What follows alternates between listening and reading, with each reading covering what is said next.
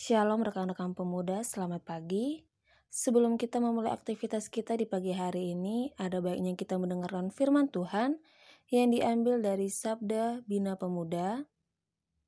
Sebelum kita mendengarkan firman Tuhan, mari kita berdoa. Terima kasih Bapa, terima kasih Yesus, terima kasih Roh Kudus.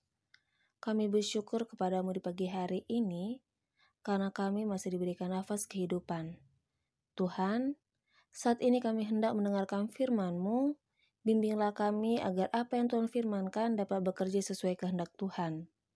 Bukalah hati dan pikiran kami untuk mendengarkan dan menerima firman Tuhan, sehingga firman Tuhan ini menjadi berkat bagi kami. Berbicaralah ya Tuhan, karena kami anak-anak Tuhan siap mendengarkan firman-Mu. Dalam nama Tuhan Yesus kami berdoa. Amin.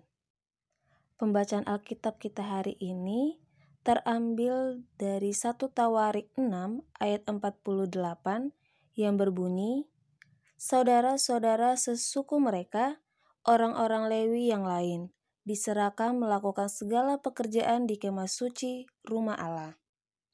Pembacaan Sabda Bina Pemuda hari ini dengan judul Setia Melayani Tuhan. Siapakah suku Lewi? Suku Lewi adalah suku yang istimewa dalam sejarah bangsa Israel. Dalam Keluaran 32 ayat 26 dikatakan bahwa pada saat Musa naik ke Gunung Sinai untuk menerima hukum Tuhan, umat Israel memberontak dengan membuat patung anak lembu emas.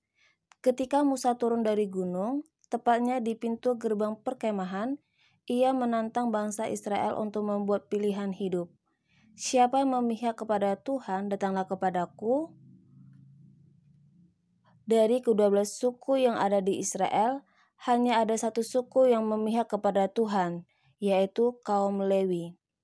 Berkumpullah kepadanya seluruh Bani Lewi, karena suku Lewi memilih untuk taat kepada Tuhan.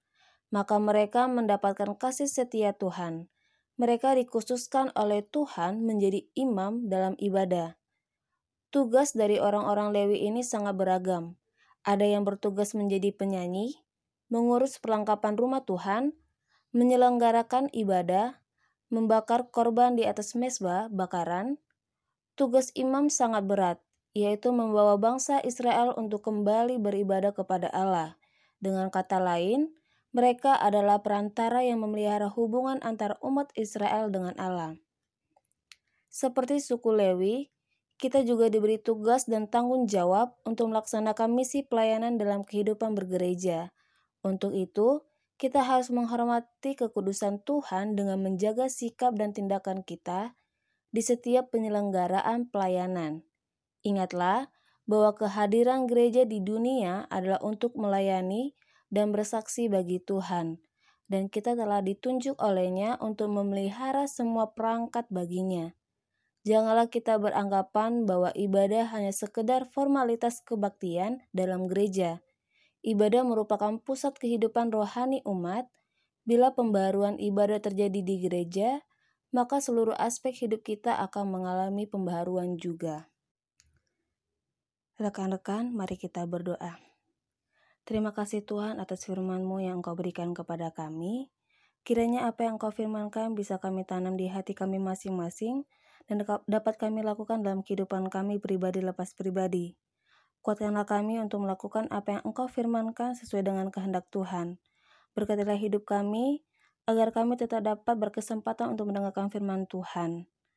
Tuhan, berkatilah kegiatan kami hari ini, dari awal pertengahan kepada akhirnya kami percayakan semua dalam pengasihan Tuhan. Pakailah kami Tuhan untuk setia melayanimu.